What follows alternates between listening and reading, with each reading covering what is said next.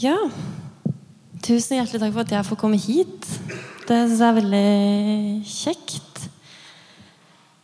Jeg trenger ikke si så veldig mye mer. Det var en fin introduksjon. Veldig fint å være her. Eh, ja, jeg fikk jo denne teksten eh, og tenkte Guriland, det kan man jo si så veldig mye om.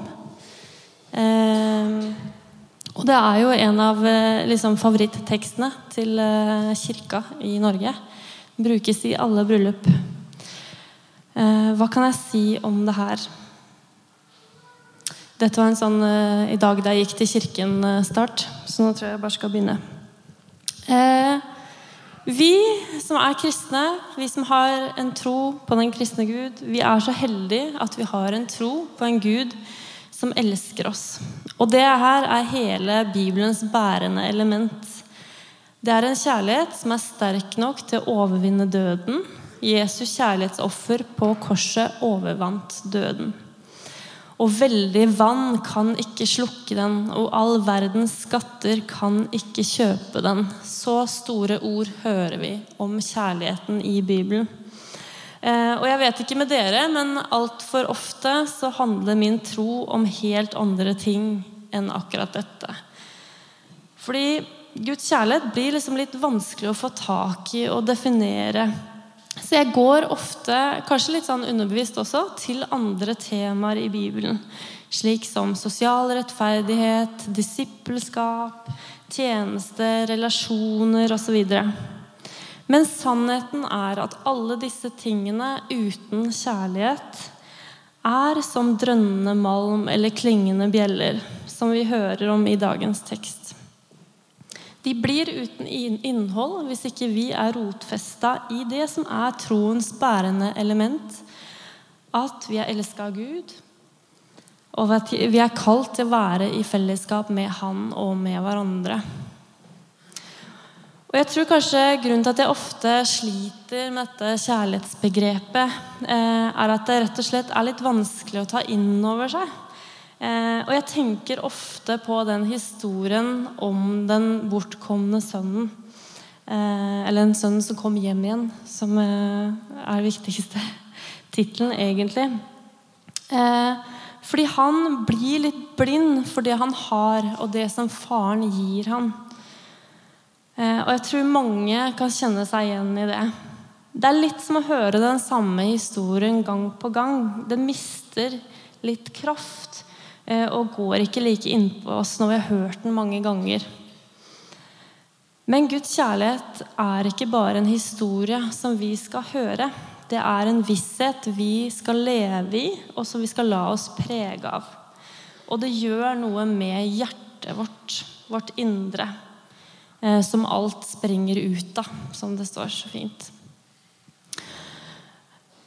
Um, og I Bibelen så står det veldig mye om hjertet. Jeg ble litt sånn nysgjerrig. Liksom, hjertet, hva egentlig er det vi snakker om? Det står bl.a.: um, Glede i hjertet gjør ansiktet vennlig.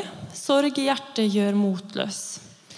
I hjertet tenker man ut sin vei. Han tenker med hjertet.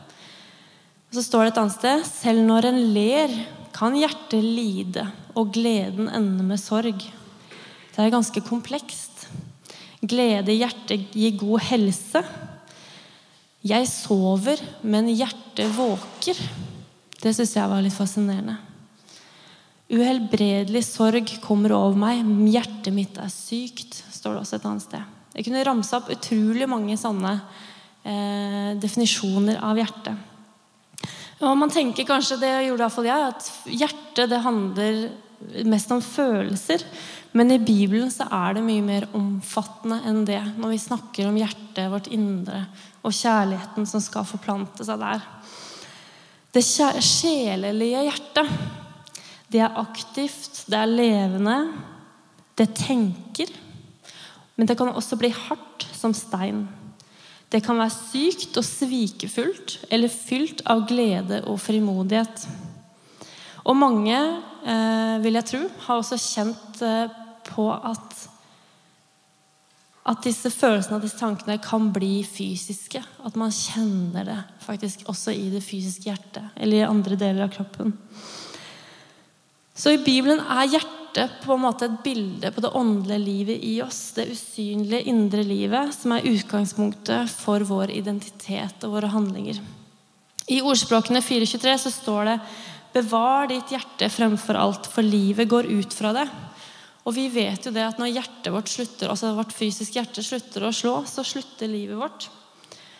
Eh, og i bibelsk tankegang så er det også sånn at vårt, når vårt åndshjerte slutter å slå eller blir sykt, så eh, må vi bevare hjertet, og vi må begynne, jobbe med det for, at, for, å bevare vår tro, for at den skal få overleve. I Samuel 16,7 står det Gud ser ikke på det som menneskene ser. Mennesket ser på det ytre, men Herren, altså Gud, ser på hjertet. Og Gud er veldig opptatt av hva vi har i dette åndshjertet. Det er det han ser på. Det er det han er opptatt av. For det er der skatten vår er. Det vi setter pris på. Det er der identiteten og livet vårt er.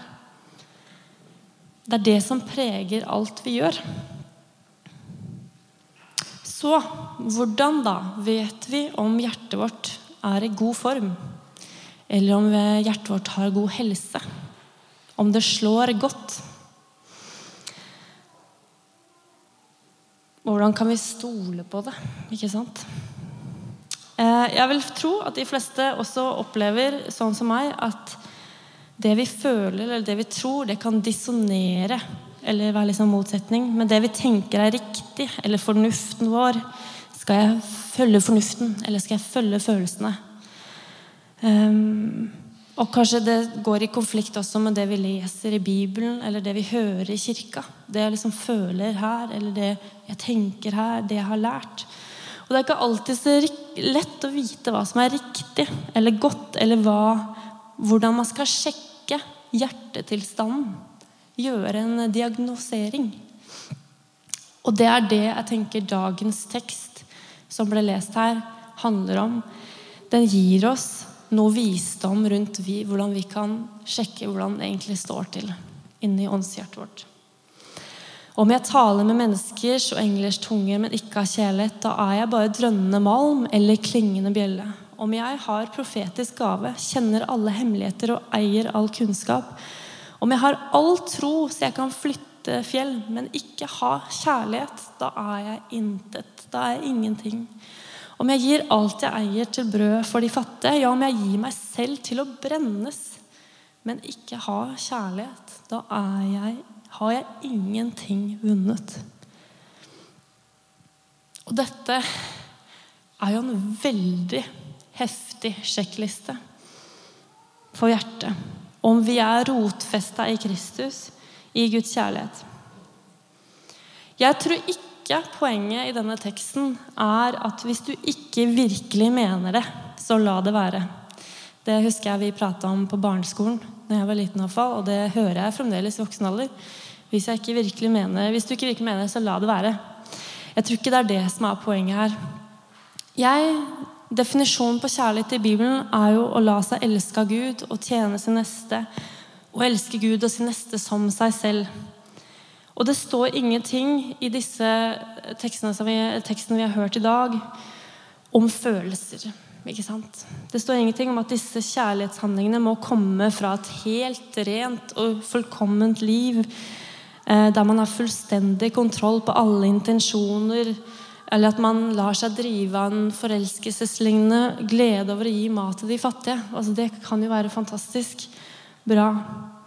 Men vi trenger ikke føle så mye for å kunne gjøre en gjerning av kjærlighet eller la oss drive av kjærlighet nødvendigvis.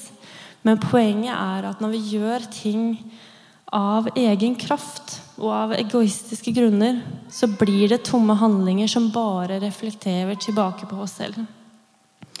Av og til så må vi begynne å handle før troen er på plass. Og av og til så må vi adlyde og følge uten at vi nødvendigvis føler for det der og da. Men kjærligheten krever at vi handler ut av, utenfor vår egen komfort og behov. Og det gjelder også når vi har behov for å elske oss selv. Guds kjærlighet gir handlingene innhold, for den vil noe mer. Så det er sterke ord i denne teksten. Det er på kjærligheten vi skal måles. Og uten den så er det til og med om du kaster deg på bålet, så er det som et offer til Gud, så er det ikke verdt noen ting.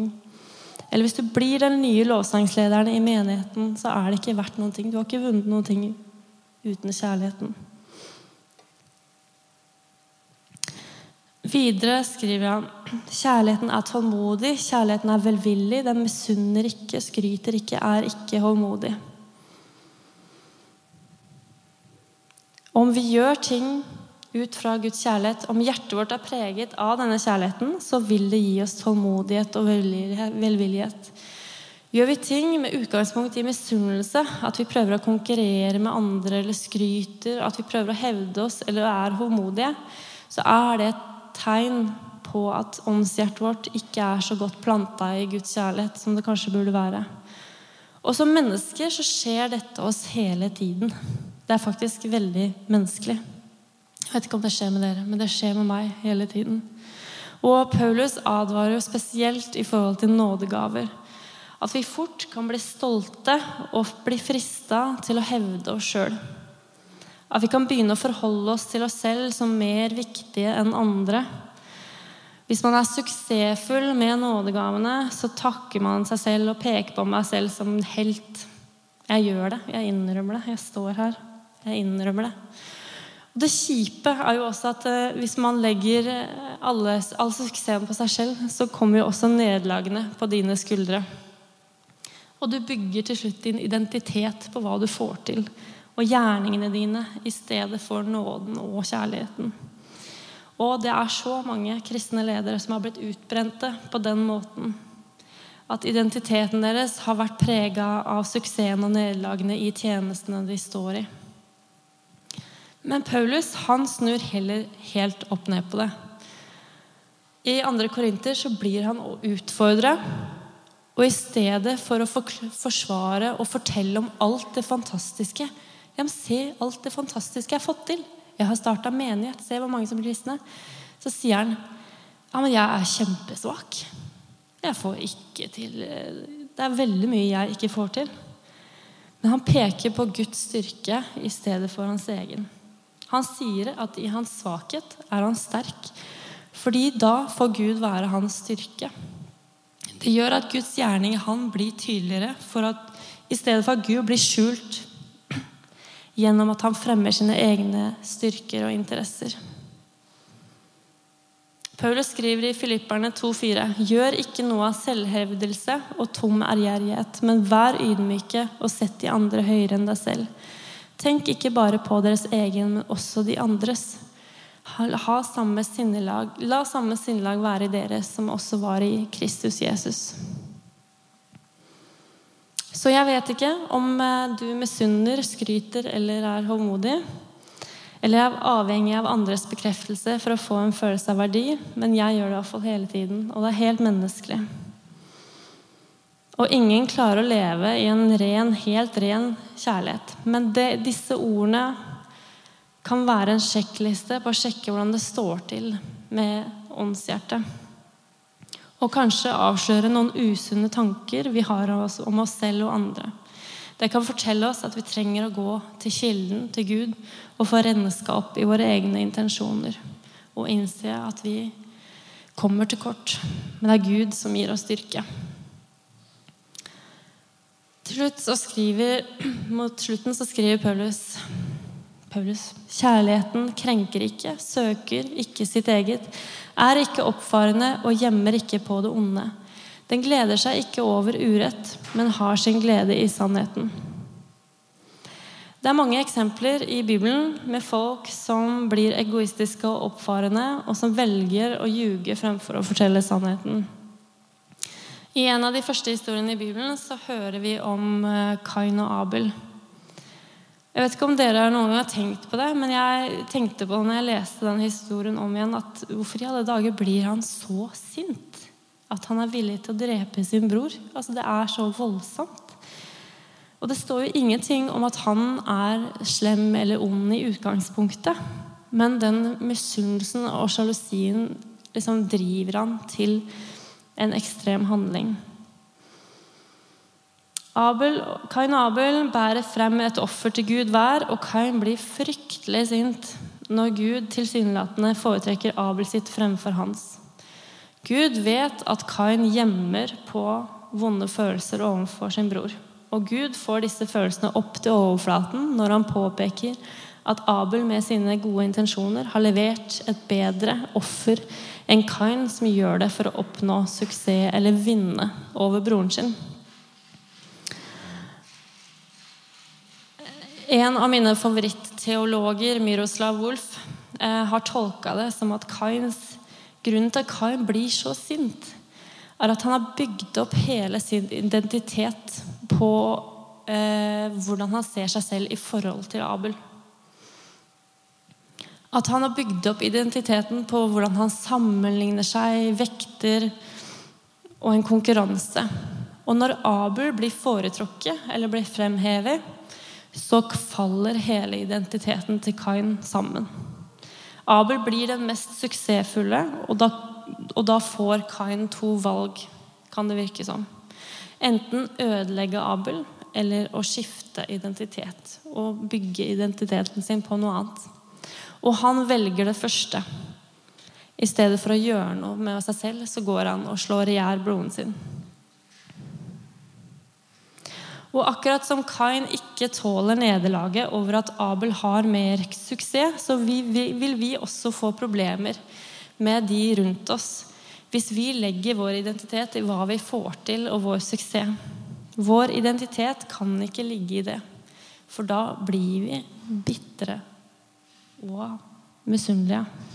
Men det må ligge i hvem vi er i Guds øyne. Og da kommer vi tilbake til den hjemmeværende sønnen, som jeg syns eh, blir da et godt forbilde her. Fordi i likhet med Kain så er noe av problemet til den hjemmeværende sønnen at han legger sin identitet i suksessen. At 'jeg har vært hjemme, jeg har gjort en jobb'. Jeg har gjort det faren min ville. Forskjellen er at Kain velger å løse problemet eh, med å slå i hjel broren sin. Men, men den hjemmeværende sønnen han går i sinne inn til sin far og tar et oppgjør. Hvem er jeg? Hvem er broren min for deg? Hvorfor tar de imot broren din, nei, min bror på denne måten når han har gjort alt dette mot deg? Og han får sitt svar. Faren sier, 'Alltid har du vært hos meg. Alt mitt er ditt.' Og her blir han et forbilde, fordi han valgte i stedet for å Han kunne løpt ut og slått i hjel broren sin, sånn som Kain gjorde, men han går heller inn til sin far og tar et oppgjør. Og det sier noe om også at vi kan gå inn til Gud og la Han fortelle oss hvem vi er, sånn at vi kan elske våre brødre og søstre. I stedet for å være misunnelige og hate og føle alle disse tingene. Det gir oss mulighet for helbredelse og frimodighet. Kjærligheten utholder alt, tror alt, håper alt, tåler alt. Paulus skriver i Galaterne 2, 19-20 at han er korsfesta med Kristus. Jeg lever ikke lenger selv, men Kristus lever i meg. Paulus snakker om en stor identitetsendring, en endring fra et jeg-fokus til et Kristus-fokus. Paulus viser at det å tro på Jesus handler om å la Kristus forme selve identiteten vår. Han snakker ikke om at Kristus skal være en del av identiteten som av og til kommer til overflaten, men en type liksom, desentralisering. Det endrer hele selve. Det handler ikke om å miste seg selv, men å la Kristus være et nytt sentrum som gjenskaper og styrker de vi er skapt til å være. Og Knut Tveitreid har sagt noe så veldig fint som at integritet er å kunne identifisere seg med hvem som helst uten å miste sin egen identitet. Å være integrert og være trygg på og kjent med seg selv er nøkkelen til å kunne stå fast i møte med livets ups and downs og vite hvem vi er i Gud, hvem vi er skapt til å være. Å stå støtt i de trengslene som Paulus snakker om, som vi må bære. Man lar seg påvirke av de man identifiserer seg med. Og nettopp derfor ble jo Jesus menneske, sånn at vi kunne identifisere oss med han. Får vi integritet i kjærligheten, at det som kommer ut av vår munn, er det som hjertet er fylt av, så kan vi tåle mer, tro mer, håpe mer. Det blir ikke en så stor trussel når vi vet at vår identitet og vårt hjerte bare kan måles opp mot seg selv og mot Gud. Det blir mye bibeltekster nå, men jeg skal oppsummere eh, med et bibelvers. Det står i eh, Johannes, som jeg syns er Det kunne vært eh, den lille bibel, egentlig. Men det oppsummerer veldig mye av det jeg har sagt nå. Mine barn, la oss elske, ikke med tomme ord, men i gjerning og sannhet. Slik skal vi vite at vi er av sannheten, og vi skal la vårt hjerte falle til ro for Hans ansikt. For selv om hjertet fordømmer oss, er Gud større enn vårt hjerte og vet alt. Mine kjære, dersom vårt hjerte ikke fordømmer oss, kan vi være fremodige overfor Gud. Fastetiden, vi skal inn i fastetiden, er en perfekt tid for å ransake det hjertet. Det står i Jesaja at Gud vil at fasen skal handle om å bryte åk og urettferdige lenker. Og for åndshjertet så kan åket være nettopp den mismodigheten, selvhelvedelsen, selvfordømmelsen eller uretten som vi har lest om. Og det er en fin tid til å gå i seg sjøl og finne ut hvor ligger min identitet. Bygger jeg den på mine suksesser, mine nederlag, eller bygger jeg dem på at jeg er elska av Gud? Hvor er hjertet ditt? Hva er det prega av? Det er noe vi kan tenke på. Og det her er spørsmål som vi alltid må tilbake til igjen og igjen og igjen. Og alltid får vi nåde og tilgivelse til å forstå dette på nytt, begynne på nytt, mjuke litt opp og bli enda mer av den vi er skapt til å være. Så oppfordring gå inn i din fars hus og be til han, og be han fortelle deg om hva han ser, og hvem du er. Fordi, fordi Gud er hjertet ditt, det viktigste. Han vil fortelle deg at hjertet ditt er alt han bryr seg om, og han vil si at alt mitt er ditt. Og forhåpentligvis vil det få oss til å elske vår bror, våre bror i stedet for å hate han. Amen.